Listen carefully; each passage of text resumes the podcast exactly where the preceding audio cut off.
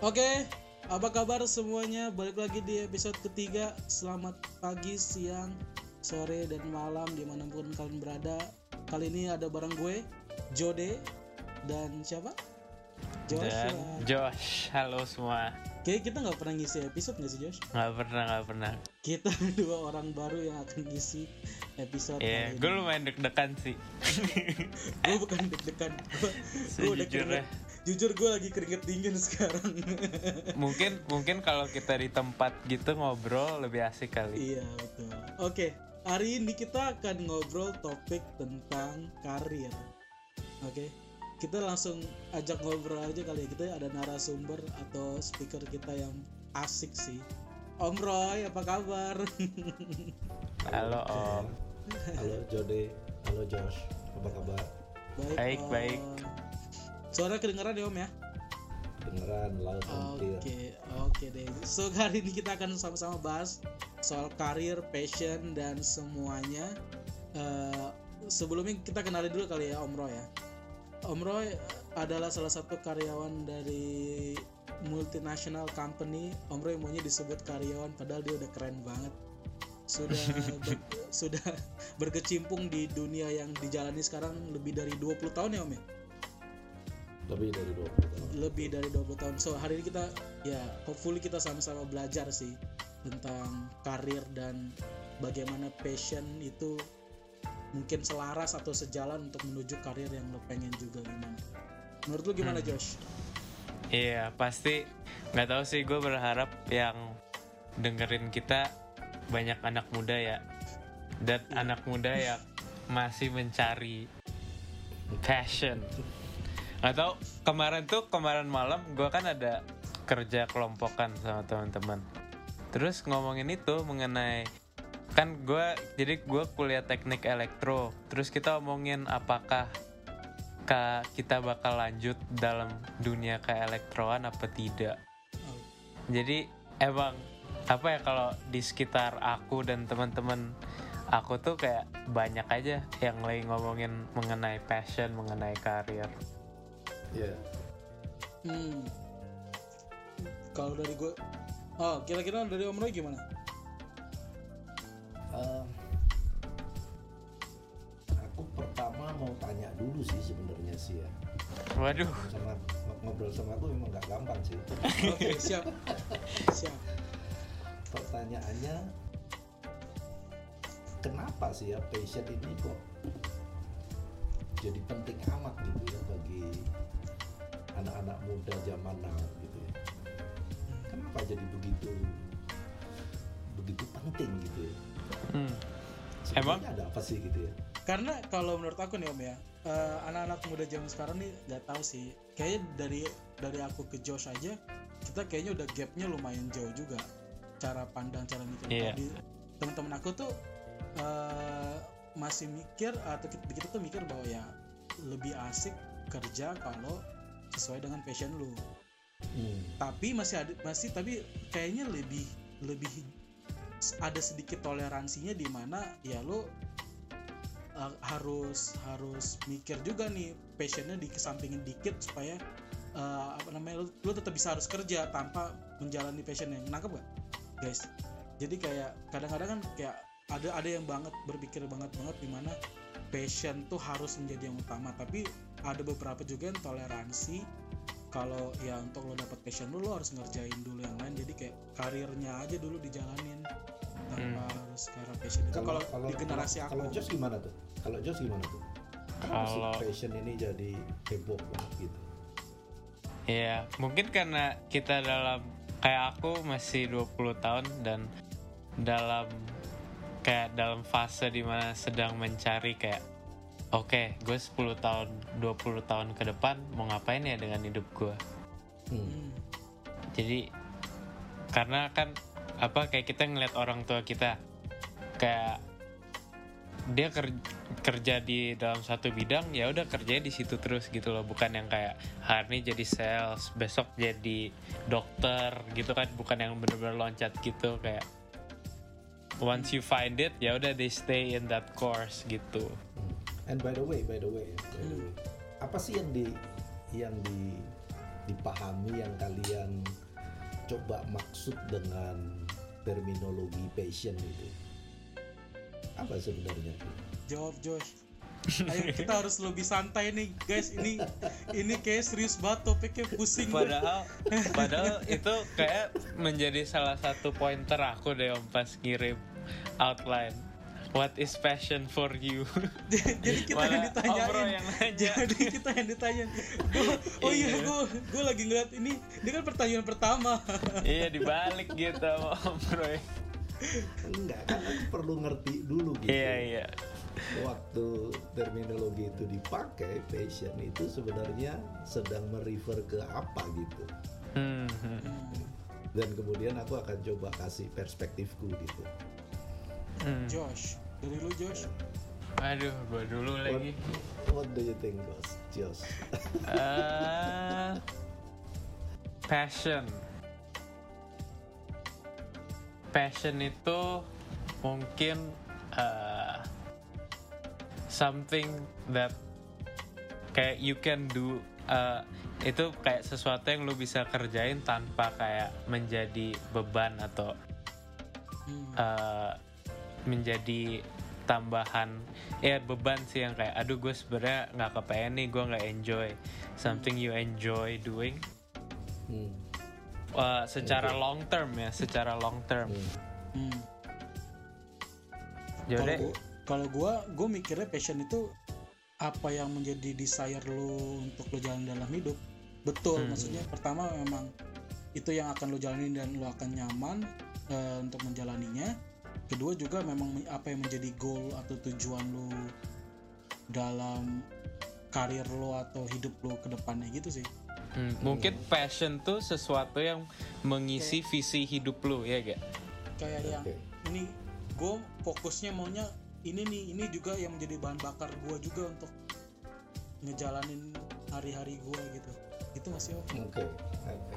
Yes, menarik, menarik, menarik. Tapi gini, aku sebelum sebelum ngobrol lebih lanjut, ini bukan mau ngajarin gitu ya, tapi lebih mau kasih perspektif gitu ya. Karena ini hanya sekedar perspektif, maka ya jangan dilihat lebih dari itu gitu. Perspektif ini nggak ada benar, nggak ada yang salah gitu ya. Tinggal dari sisi mana kita mau melihat gitu. Nah, pada saat aku ini akan bagi perspektifku ini, tujuannya supaya yang dengar ini makin perspektifnya makin lebih lengkap, hmm. ya. Dengan makin lengkap kita mempunyai perspektif, maka pada saat kita harus mengambil keputusan sesuatu, itu tentu saja keputusan yang diambil akan jauh lebih baik, kan begitu ya? iya Jadi ini hanya dilihat dari eh, dari sisi perspektif saja ya. Ini bukan kasih kuliah, bukan kasih apa-apa gitu ya. Hanya sekedar sekedar kasih perspektif dari eh, apa yang sudah aku jalani lebih dari 20 tahun di di organisasi tempat aku kerja gitu ya.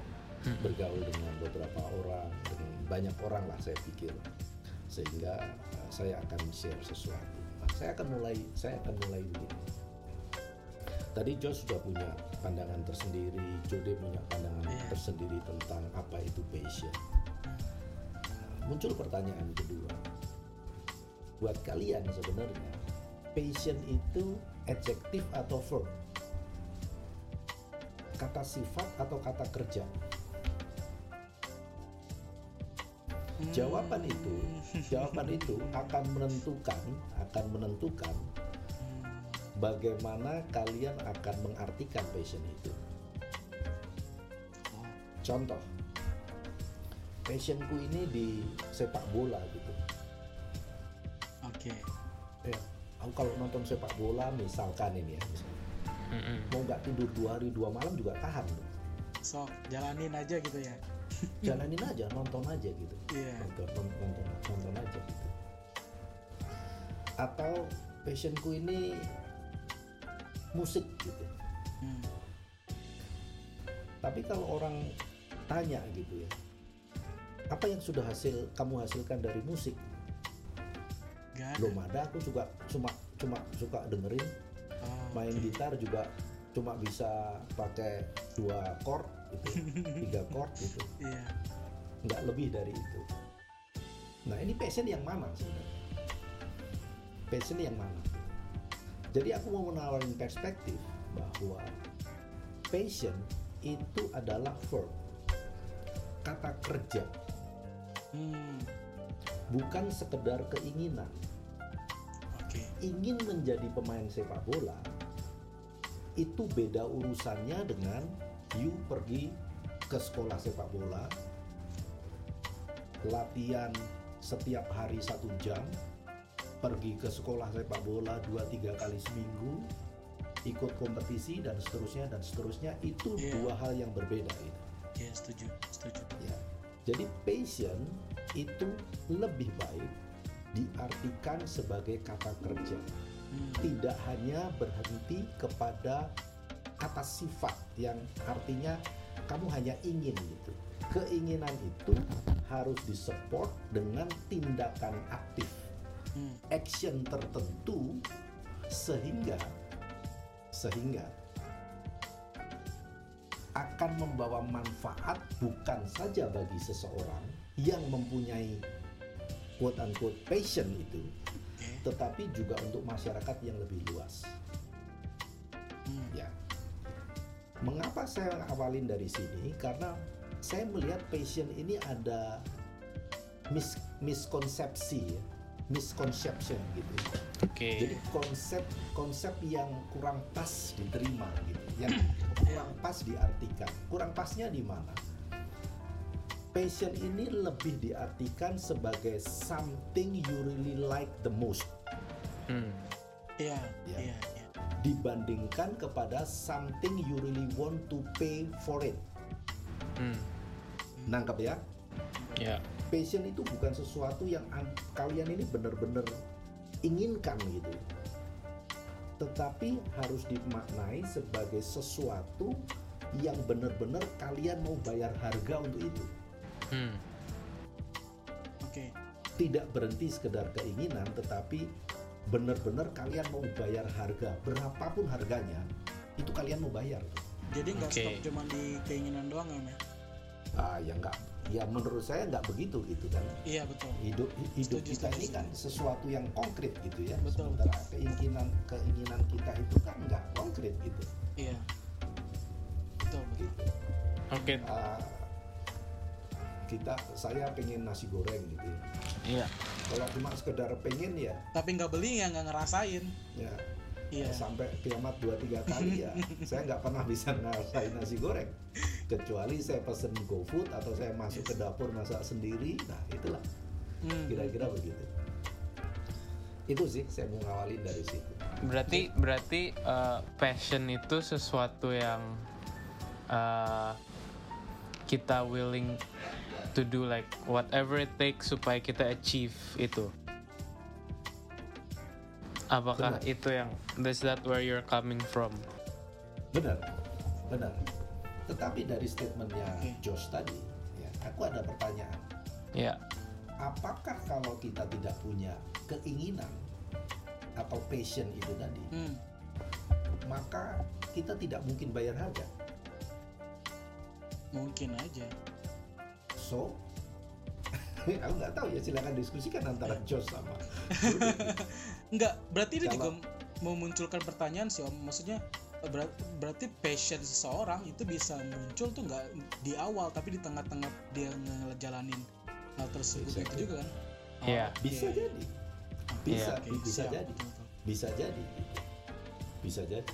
Nah kalau dari Om sendiri, Om sendiri waktu ngelewatin ini semua, berarti kira-kira apakah you adalah orang yang ngelewatin dulu akhirnya mendapatkan apa yang sebenarnya menjadi passion you atau you dari awal udah tahu nih inilah yang gue jalanin nih yang gue bayar harga untuk kerjain dan segala macamnya.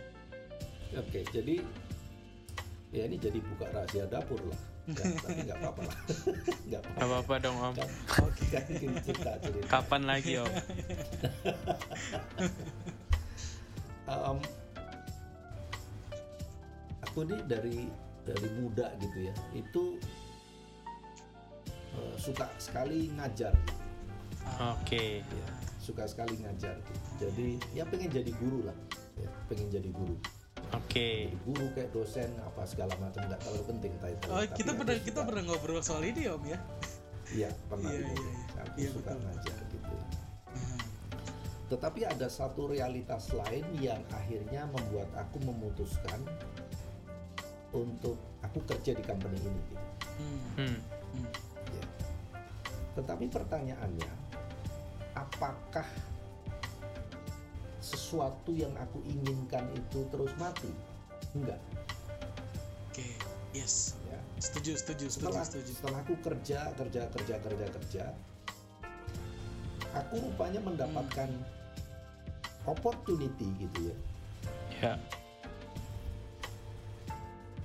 untuk bisa ngajar, walaupun nggak ngajar di dalam kelas gitu ya. Hmm.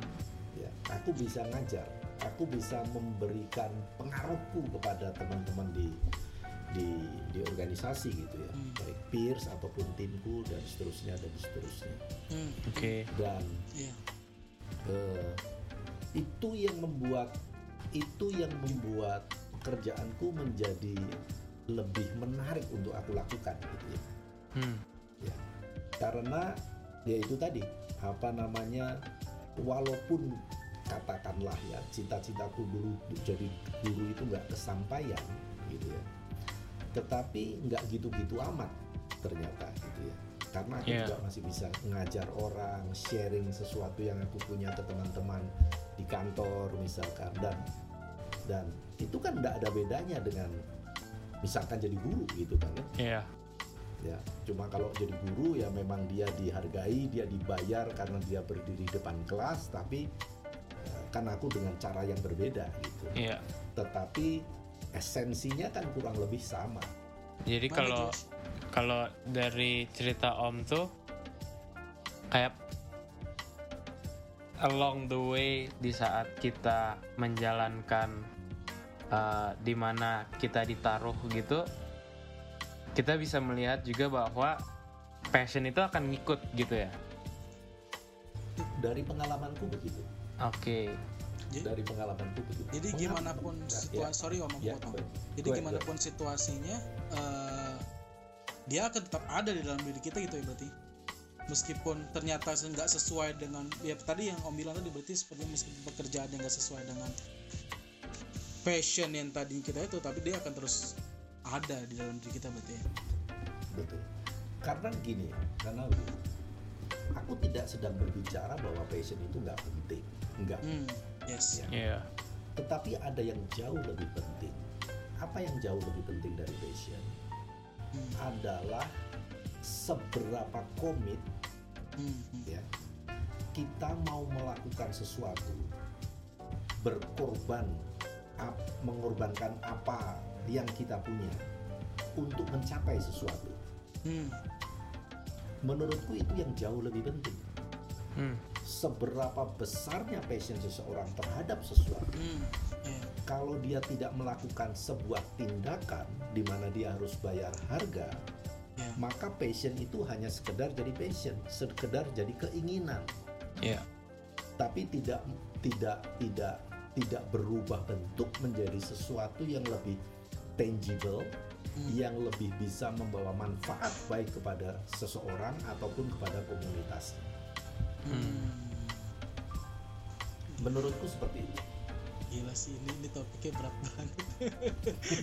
kita berdua Serius. kita kita berdua sekalinya diminta untuk ngisi episode dapatnya awal tuh ekspektasinya gini om Om Bro ini asik kita mau ketawa-ketawa nih. Kita, karena kan ah, jadi teman-teman yang dengar gue udah udah lumayan lama juga kenal Om Roy dan berapa kali ngobrol. Memang Om Roy itu adalah orang yang asik buat diajak ngobrol santai serius serius pun juga ketawa. Dan ini kita oh iya oh iya ya. Oh iya ternyata begini ya. Jadi Iya. waduh. Eh, nah Iya. gimana Josh nggak apa-apa aku dem gue lebih demen dengerin sih kayak jadi biar masuk gitu lah. Nah berarti eh, kalau aku bisa nanya, eh, aku bisa nanya lagi ini kan ada salah satu pertanyaannya kan ap- apakah kita harus selaras dengan passion kita? Berarti seharusnya yang kita kerjakan nggak harus selaras dong.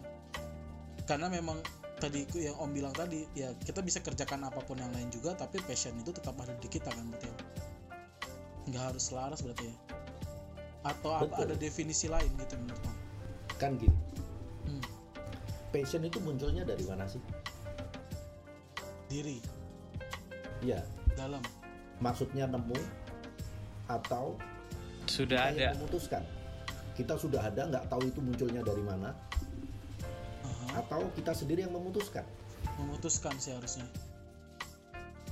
Oh kalau kalau Gimana? kalau kalau Secara- menurut gua ses- passion itu sesuatu yang emang udah ada dalam diri kita. Kayak di saat kita ya di saat kita dilahirkan di dunia ini kayak kita emang udah wired kepada certain atau specific uh, talents atau skills kita. Jadi kayak udah ada di situ sebenarnya. Tapi kalau lo ngomong gitu itu berarti nggak sesuai. Karena tadi kan Om Roy bilang itu kan kita kerjakan. Jadi ada keputusan juga di kita. Bisa jadi kalau itu di dalam diri kita tapi kita nggak memutuskan hal tersebut ya nggak jadi. Iya nggak sih Om seru ya ya nggak tahu. Gua nanya.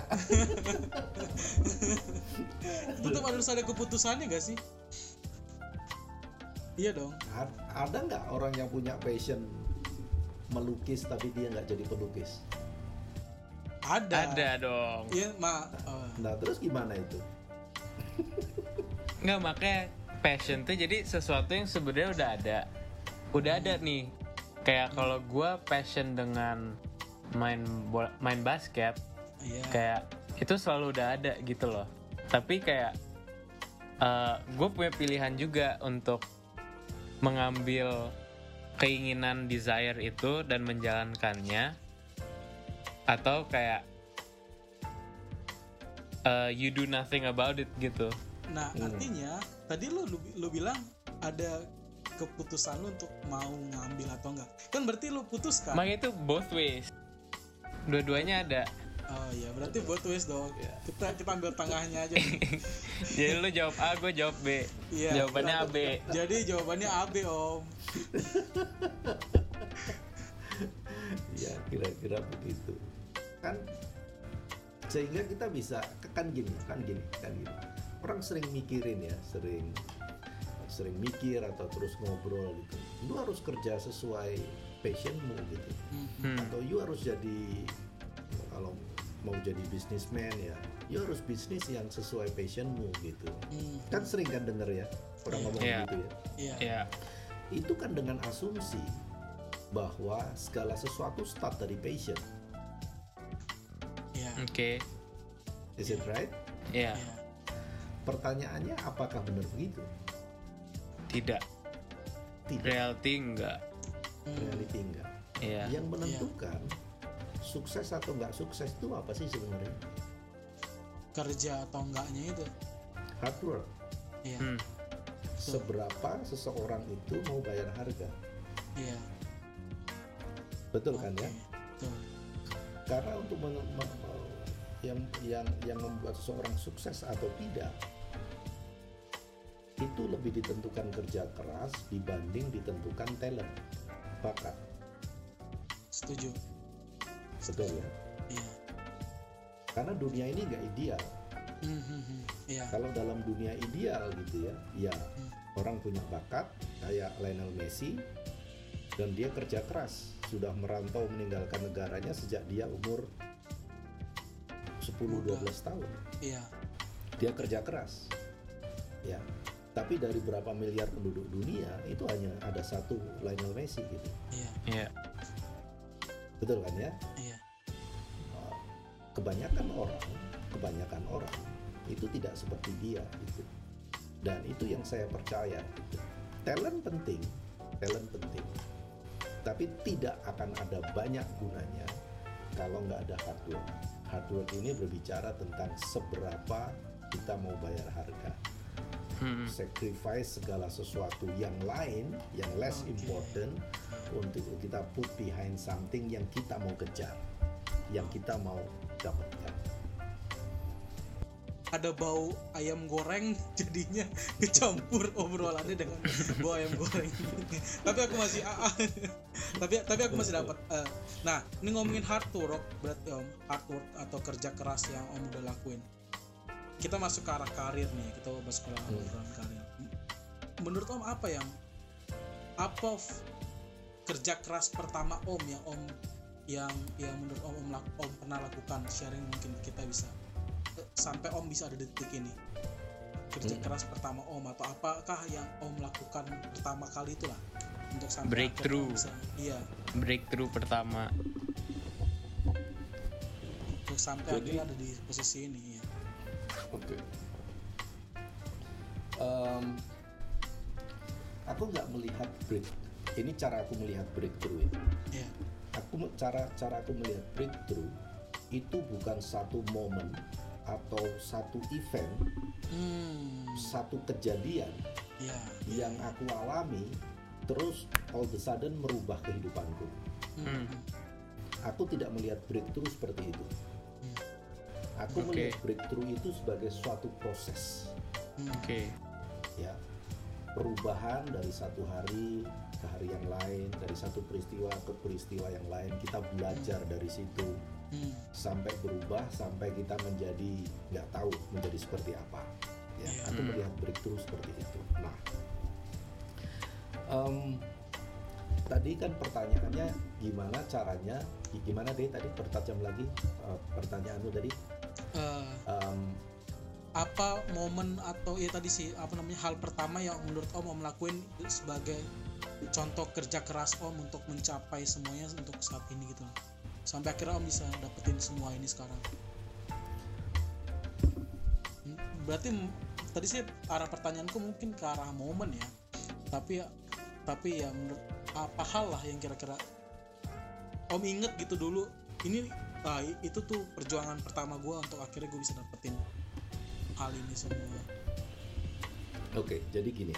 eh, tadi aku di depan sudah bicara bahwa breakthrough aku nggak ngelihat itu Iya, sebagai satu momen. single event, satu Yes. single momen yang merubah ya. Aku melihat Hmm. breakthrough itu sebagai satu proses terus-menerus perubahan seseorang menjadi lebih baik dari hari ke hari. Hmm, hmm, hmm, hmm. Nah, proses perubahan menjadi lebih baik dari hari ke hari Hmm, itu tidak lain tidak ber, tidak bukan bicara tentang adaptasi. iya. hmm. ya, bicara tentang adaptasi. Aku kasih contoh. Hmm, Zaman aku kuliah sampai sela- selesai undergraduate, itu aku nggak ngerti yang namanya komputer. oke hmm, Karena waktu waktu itu belum ada tuh. hmm. Waktu itu masih pakai mesin ketik kalau bikin skripsi namanya. muter-muter gini dong ngek gitu Ya, betul, betul. Tapi begitu aku masuk ke company tempat aku kerja hari ini, iya itu semua sudah pakai komputer. Oh, Ya komputernya belum seperti yang kalian kenal hari ini. Dulu masih pakai Lotus, yang masih pakai kotak-kotak Wai- gede gitu ya gede-gede, betul. Iya, iya iya, iya Gede-gede. Waktu aku lihat pertama aku tuh amazed banget. Apa ini semua? Dan Iya, aku nggak ngerti cara gunainnya. Gitu. iya Aku nggak ngerti cara gunainnya. iya Mau kursus-kursus di mana? Iya Zaman Hmm. itu nggak ada kursus komputer. Gitu. Hmm. iya Tapi aku nggak mau tapi nggak mau apa namanya? Aku mau ngerti itu. Aku mau bisa. tapi itu om Akhirnya, nah. om Roy itu sudah keterima dalam Sudah, sudah, pekerjaan tersebut sudah, sudah. oke sudah. Nah terus apa yang aku lakukan gitu? Setelah selesai jam kerja, aku pulang ke tempat kos, Mm-mm. Mandi, makan, aku balik lagi ke kantor. Aku belajar sendiri. Hmm, oke Mengapa aku perlu belajar? Ya karena aku pada saat itu berpikiran kalau aku mau misalkan hanya sekedar survive saja di company ini, ya aku harus ngerti bagaimana cara company ini bekerja. ya Cara Oke. company bekerja menggunakan komputer yang hari itu aku nggak tahu. ya hmm, Kalau aku pengen survive, ya aku harus tahu. hmm, hmm.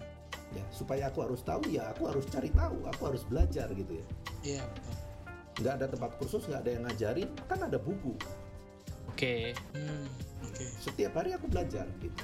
Hmm. Oke. Setiap hari aku belajar sampai aku bisa gitu ya. Sampai aku bisa. Oke. Nah, itu adalah contoh gitu ya bahwa kalau kita mau eh, gini, adaptasi itu kemampuan seseorang beradaptasi terhadap lingkungannya itu yang akan menentukan perubahan seseorang. Hmm. Oke. Kalau seseorang itu sudah tidak mau lagi beradaptasi, ya repot. Oke. Iya. Iya. Ya. Dan apakah proses adaptasi itu seumur hidup, Om? Of course, Oke. Iya. Betul. tentu saja. Kalau Pasti. kalau seseorang itu masih terus mau bertumbuh, berkembang menjadi lebih baik. Hmm. Oke. Nah, eh, ini menjadi apa ya aku dari cerita Om Roy itu melihat ada perbedaan perspektif dalam eh, mungkin dari Om Roy dan dari my peers gitu loh, generation aku. Hmm. Ser- kan sering banget itu eh, kayak yang Om Roy bilang that kita eh, me- kayak orang yang pengen jadi businessman, dia menjalankan bisnis yang sesuai dengan passionnya dia. Oleh karena itu jadi tersusun suatu mindset dalam dalam pikiran-pikiran our peers itu di mana kalau uh, if kayak kita ditaruh dalam suatu posisi kayak misal Om dalam satu posisi di mana nggak enak Ad- waktu itu ada komputer dan kita zero knowledge about it. Ya udah mundur aja cari yang lain. Masih banyak kok kesempatan-kesempatan yang lain. Nah sekarang tuh jadi aku ngeliatnya tuh di generasi kita itu mentalitasnya tuh seperti itu tuh sekarang. Di mana orang jadi gampang. Kelihatannya jadi kayak gampang give up gitu loh give up dan karena katanya tuh seperti ada jalan yang lain what do you think about that om about that kind of mindset Iya, iya. Paham, Gini, paham. gini, gini, gini, gini, gini. Eh, tentu saja aku harus hati-hati ngomongnya karena aku nggak mau terus jadi aku judgmental gitu ya, menghakimi. Oke. gitu ya. oke Karena karena gini, karena begini. Generasi sekarang itu punya luxury untuk memilih hmm Hmm. iya relatif dibandingkan generasi saya misalnya. Hmm. Betul kan? Iya. betul. Nah, tentu saja ini ada positif, ada negatifnya. Terlalu banyak pilihan, akhirnya orang jadi bingung kan. Milih sini, Mm-mm. milih sini, milih. Mau makan apa? Nasi goreng, sate, segala macam. Akhirnya nggak bisa mutusin apa yang mau dimakan. iya Hmm. Yang utama itu adalah kita makan sesuatu, bukan apa yang kita makan. Makan Hmm. sate menghasilkan energi, makan bakso menghasilkan energi, sama-sama dapat protein. Mm-mm. tapi harus decide, harus putuskan. Once sudah putuskan, kejar itu sampai dapat. oke Ya, itu itu viewku gitu ya, itu itu itu pendapatku. Di zaman saya misalkan, itu mungkin kesempat luxury untuk memilih nggak sebesar hari ini gitu, Hmm. tidak sebesar hari ini. Apa yang ada ya ini, Hmm. take it or leave it. Karena tidak punya banyak kesempatan memilih, ya ini terus terus ketekuni segala macam segala macam, akhirnya bisa menemukan kenikmatan dari situ. Hmm. Nah, menurut Om, Menurutku begitu, Josh. kalau menurut eh, kalau menurut Om itu kan tadi memang ya beda kan zamannya waktu dulu. Ya tadi eh, sedikit pilihan sekarang banyak pilihan. Berarti menurut Om dengan mindset seperti itu salah atau benar? Karena eh, aku pernah dengar hal tersebut sih karena sampai ada yang bilang eh, dosen aku atau kak siapa itu pernah ngomong bahwa eh, ya dari umur muda ini ya kita ngerintis coba di sini coba di sini coba di sini. Nanti umur berapa baru lo udah harus settle di tempat tersebut. Bahkan ada mindset sampai seperti itu yang dibilang umur dua setelah lulus sampai umur 25 lu kalau mau pindah-pindah coba-coba segala macam ya go ahead tapi setelah umur berapa sekian nanti lu harus stay di situ karena lu udah harus fokus menentukan arah eh, lu harus fokus dengan kerjaan tersebut dan ngejalanin hari-hari lu menuju ke hari tua nanti segala macam jadi menurut Hmm. Bener atau enggak? Ya, ya terserah saja gitu. ya. Terserah saja kalau Hmm. orang punya pendapat seperti itu ya. Masing-masing punya argumentasi sendiri-sendiri gitu ya dipengaruhi mungkin pengalaman hidupnya bergaulnya dengan siapa apa yang dibaca referensinya apa Hmm. dan itu itu itu sah-sah saja gitu itu sah-sah saja tapi sekali lagi yang aku mau tekanin adalah passion itu bukannya nggak penting gitu. Hmm. tapi ada yang jauh lebih penting dari sekedar passion supaya kita bisa menjadi manusia yang lebih baik memberikan manfaat yang jauh lebih baik lebih besar bukan saja untuk diri kita sendiri tetapi untuk komunitas yang lebih besar. Ya. Hmm. karena begini orang nggak peduli kok dengan passion kalian itu apa. Yang peduli dengan passion itu siapa sih? Ya diri kita, sendiri lah. Iya. Yang dipeduliin masyarakat luas itu apa sebenarnya? Untung untuk mereka. Iya, iya. manfaat apa yang bisa kita sumbangkan yang bisa kita contribute kepada komunitas kan begitu kan ya jadi kalau kita terus menerus ya terus menerus kita melihat passion ini like an idol gitu ya mungkin nggak terlalu benar juga gitu Hmm. berarti terus menerus kita ngelihat dunia ini berputar sumbunya kita gitu which is not Iya, betul, betul. Betul. kan kayak gitu kan Iya. karena Oke. yang peduli dengan passion kan masing-masing kita gitu oke Berarti begitu Wah, gimana Josh? Eh, mungkin melanjutkan sedikit lagi soal eh, menjadi menarik ya soal kalau kalau yang aku bisa kalau aku bisa tarik kesimpulan dari Om Roy itu jadi sekali kita sudah memutuskan sesuatu ya udah itu that is where you're being put at gitu lanjutin belajar untuk adaptasi survive nah jadi eh, aku mulai berpikir jadi kayak apakah eh, oleh kak hmm, bingung juga how to articulate this kayak apakah Josh.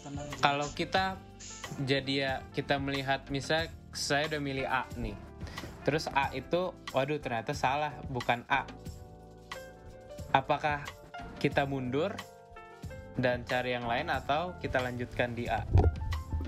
Oke jadi gitu.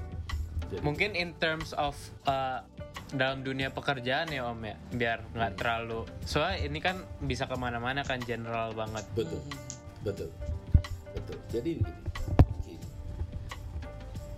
yang perlu dipikirkan yang perlu didiskusikan lebih dalam lebih menjauh ya lebih jauh itu bukan passionnya gitu ya. hmm, tapi ada tiga hal yang aku coba tahu mau tawarin gitu untuk dipikirkan dengan lebih lebih dalam gitu, lebih jauh didiskusikan. Jadi apa dong kalau bukan passion yang harus didiskusikan? Yang pertama understand yourself. Hmm, itu first thing first. Hmm, apa sih yang mau kalian capai di dalam kehidupan ini. Oke. ya apa yang kalian suka apa yang kalian nggak suka. Mungkin Hmm. bukan suka atau nggak suka ya. Nah, kalian prefer yang mana? Yang nggak prefer yang mana? Iya. understand yourself. Hmm, yang berikutnya understand your environment. Hmm, understand the trend. Understand your community. Hmm, mengapa itu penting ya seperti yang Josh tadi bilang. Memahami tren itu penting. Mengapa? Supaya kita menjadi relevan. Iya betul. Setuju. ya. Relevansi itu yang memungkinkan kita bisa beradaptasi. Hmm, kalau sudah ada distance dan nggak ada kita nggak bisa adaptasi. Kita nggak relevan lagi gitu belum lama itu aku lihat ada di siaran televisi aku lupa itu ada seorang businessman dia yang punya Distara Iya tahu. Istara tahu tahu. ya Tahu aku Dia sih punya tahu Distara Istara. ya yang jualan disk CD apa segala macam Dulu sewa-sewa. oke Iya. terus industri musik industri film ini jadi digital Hmm, Distara hari ini bangkrut betul betul. si bapak ini sekarang jadi pebisnis agrokultural. Oke, jauh banget ya. Oke, bisa kira-kira bisa menjawab Josh. Iya. Oke. Jadi- Aku aku suka suka sorry om. Aku suka statement di mana om bilang eh, untuk bisa beradaptasi penting untuk kita stay relevant. Soalnya ya eh, nggak tahu sih itu case case per orang kayak beda kita nggak bisa selalu masukin eh, state enggak sih kita nggak bisa selalu uh, ngejudge bahwa oh berarti dia ng- nggak relevan atau apa gitu kan nggak nggak nggak bisa begitu bisa. kan Nggak bisa. tapi uh, ya the importance of knowing the trend knowing what's going on around you gitu Betul. itulah kuncinya sebenarnya Correct. Mantap banget. Correct. Kira-kira seperti itu. Tak pikir you sudah bisa conclude itu Josh. iya jadi udah selesai kita toh Belum dong, belum dong, belum dong. enggak enggak Jadi jadi jadi kita hari ini banyak belajar hal-hal baru sih. Aku masih ada satu lagi tuh. Tadi kan aku kasih iya note baru ya. dua Oh betul iya. Ya. Setelah understand yourself, understand your environment, the Iya. trend, community. Yang ketiga, decide di bidang mana kalian mau berpartisipasi untuk membuat dunia ini lebih baik. Dunia jangan bayangkan dunia Iya, ya paham, kita masing-masing punya dunia Oke. membuat keluarga membuat diri kita lebih baik. Wah, keluarga lebih baik. RT kita lebih baik. Kampus kita lebih baik. Karena itu penting desain. Wah. karena decision itu yang akan menentukan action kita ke action kita kemudian apa.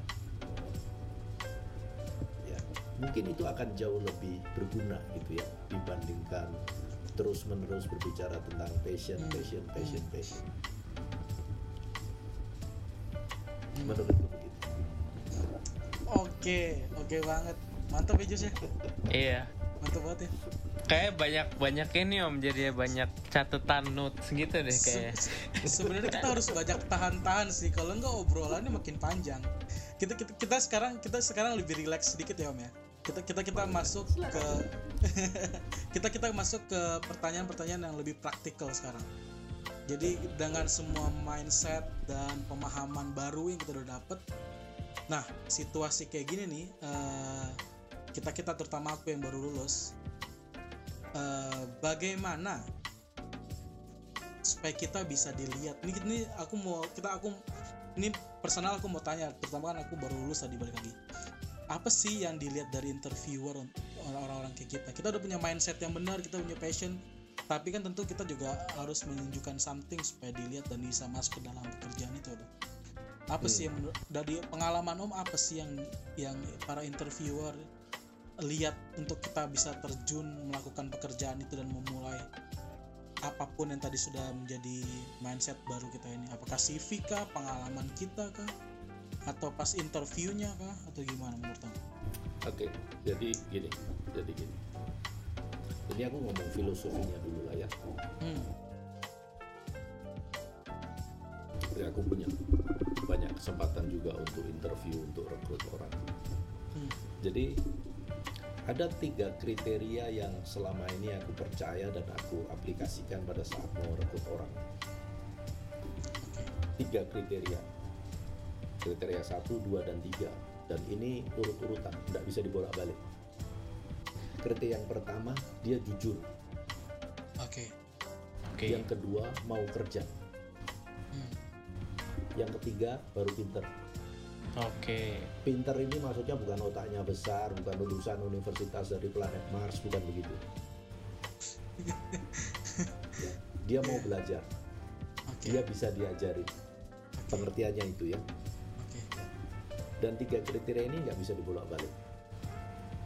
Nomor tiga tuh pinter om Nomor tiga, pinter.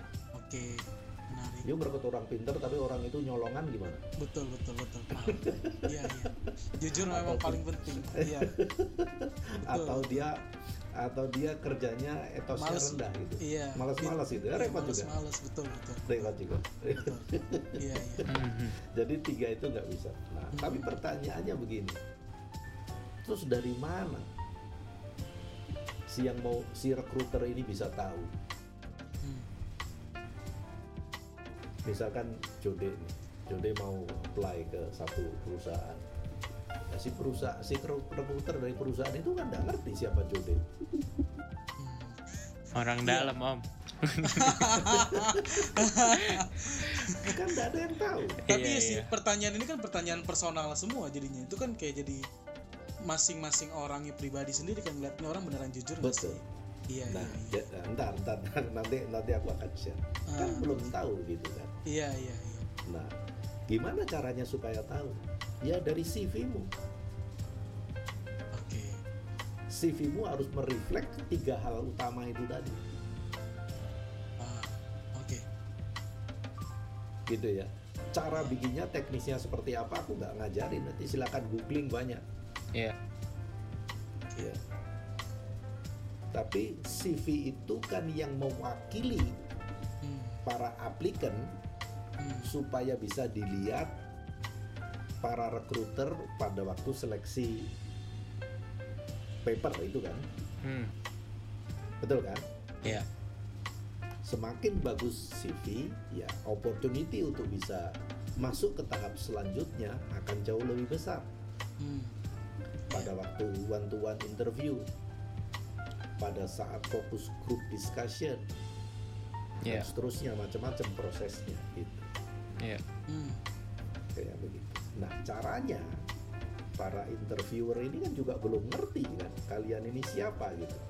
iya tapi mereka harus bisa mempredik orang yang aku rekrut ini ini fit nggak di organisasi tertentu. Betul kan? Betul betul. Nah itu rumus umum yang dipakai. Past behavior. Predict future behavior. Itu rumus utama yang dipakai para interviewer. Hmm. hmm.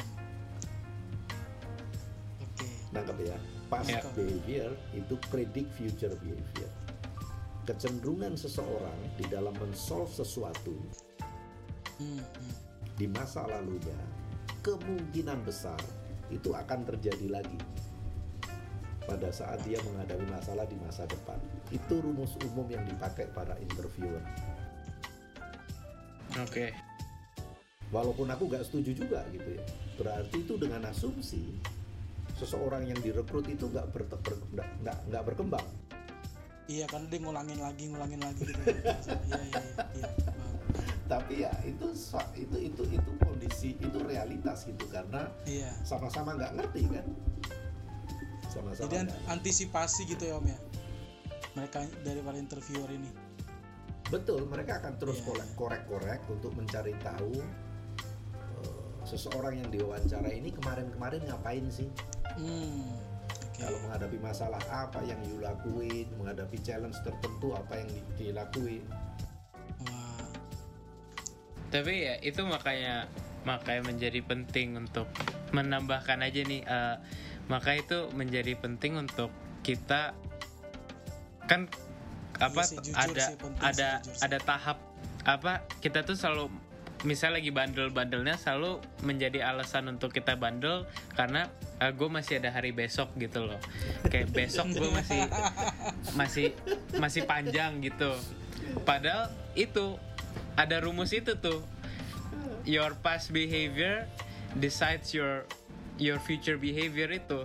Apa apa jangan-jangan gue daftar di perusahaannya Om Roy belum ada callingan gara-gara bandel gue lu sih aku- main main aku ke- rumah Om Roy sih. Ketahuan deh. Kebetulan aku juga daftar di tempatnya Om Roy tapi memang belum ada balasan. Memang mungkin kurang jujur orangnya oke kayak kita kita kayak udah udah udah banyak ngobrol dan dapat banyak hal baru ya. Apalagi tadi yang praktikal juga udah oke banget. Dan ini ber- berarti ini buat teman-teman yang dengar ini suatu tips bahwa CV kalian haruslah mencerminkan tiga hal tersebut ya dari kejujuran tadi bahwa kerja keras dan yang pinter itu nomor tiga guys.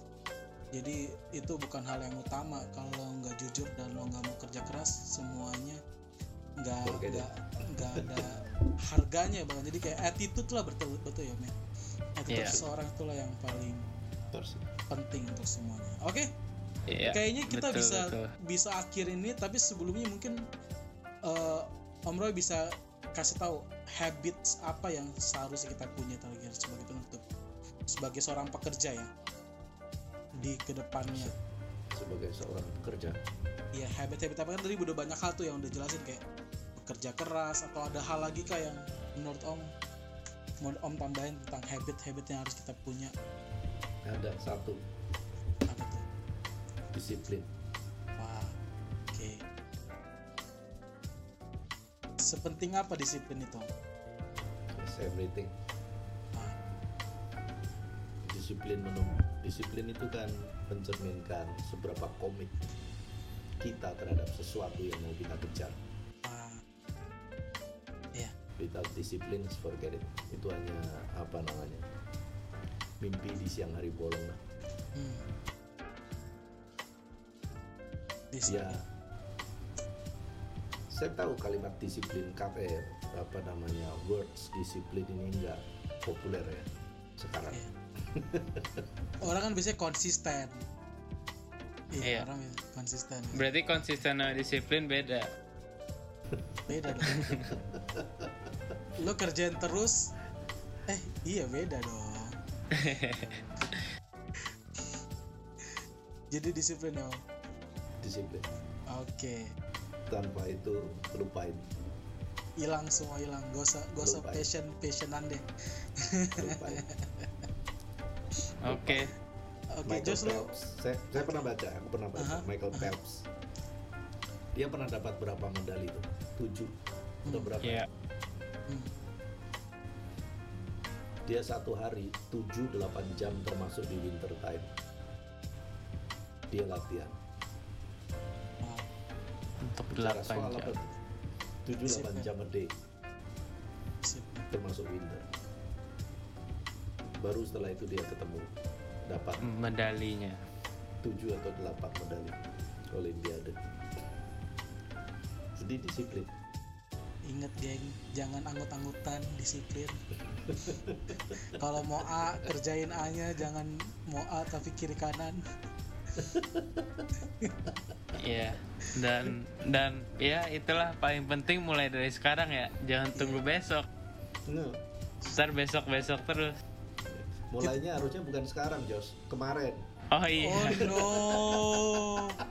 hashtag jadi highlight ter ini, ini quotes paling mulainya bukan dari sekarang guys tapi mulainya dari kemarin harusnya jadi buat lo yang mikir baru mulai lo telat geng tapi kan lebih baik terlambat daripada tidak sama sekali betul kan kayak betul, gitu. Iya, betul, betul, iya. betul, betul. oke be- begitu nih jadi pembicaraan kita sebenarnya banyak quotes. Iya. Dan nanti nanti kalian yang ngerangkai jadiin posting di Instagram masing-masing asik sih Iya. oke kalau gitu kita kita akhirin kali ya untuk hari ini. Kita Oke. kita harus banyak ngobrol lagi sih Om Roy. Asik banget sih orangnya. Ini kita bertiga ngobrol lagi ya Jos ya? Boleh nggak Om? Pasti pasti. Boleh, Tapi silakan, ini, ini, silakan. ini sesi tertutup guys. Jadi kalau kalian mau ngobrol juga kontak kita dulu. Buka clubhouse kali habis ini kita. boleh sih boleh sih. Asik sih. Oke kalau gitu eh, s- kita tutup hari ini jangan lupa guys kalian bisa dengar podcast ini di at IN Kampus Jakarta itu linknya ada di sana podcast ini ada di segala macam platform digital yang berhubungan dengan suara Spotify, Apple Podcast, Google Podcast dan segala macamnya. Jos bantuin Jos, jangan gue ngomong sendiri. Iya. Gue nggak mau motong. Gak apa-apa. Ini nih susah susahnya zoom tuh sebenarnya. Bentrok gitu loh suaranya. Gak apa-apa. Ayo ayo gimana gimana. Di mana lagi Jos kita bisa dengar? di mana-mana sih. Jangan Oke. lupa follow IG lah untuk dapat Yes. update-update betul banget dan eh, sebenarnya akhir bulan ini kita ada ada eh, Oh, workshop ya. yes yes workshop yes, yes. mengenai how to build your CV. yes yes, yes Jadi yes. seperti yang uh, dikatakan oleh Om Roy uh, mengenai Om Roy tidak mau membuka rahasia membangun CV ke kita. Kita mau membuka rahasia membangun CV ke kalian dengan mengadakan workshop. gaya banget. Stop ini gaya banget. Padahal kita baru dari tadi kayak ah eh, oke paham. Sekarang mau ngajarin orang ya. Jadi nanti kita betul kita akan ada workshop CV di akhir bulan. Infonya juga kalian bisa cek langsung di IN kampus Jakarta Ya. Eh, nanti ada salah satu speakers lagi yang akan bantu kita yang nggak mungkin gua sama Josh. Gua aja masih nyari kerja Josh juga belum lulus. Jadi CV gue juga belum valid di mana-mana. Semoga setelah Tidak. ini para bos-bos besar yang mendengar melihat CV saya pak perut saya udah daftar di perusahaan bapak. Percaya deh. Kalau bapak dengar saya udah daftar di perusahaan bapak. Oke balik lagi tadi terakhir eh, jangan lupa follow instagram gue juga asik pansos dikit di Joe Theophilus ada at Josh Gani Om Gak usah di- dimasukin, gak usah dimasukin mas ini. Oke kalau gitu sampai ketemu lagi Oke. Sehat selalu, Thank you, guys. Om Roy. Terima kasih you, ya Josh. waktunya. Jode.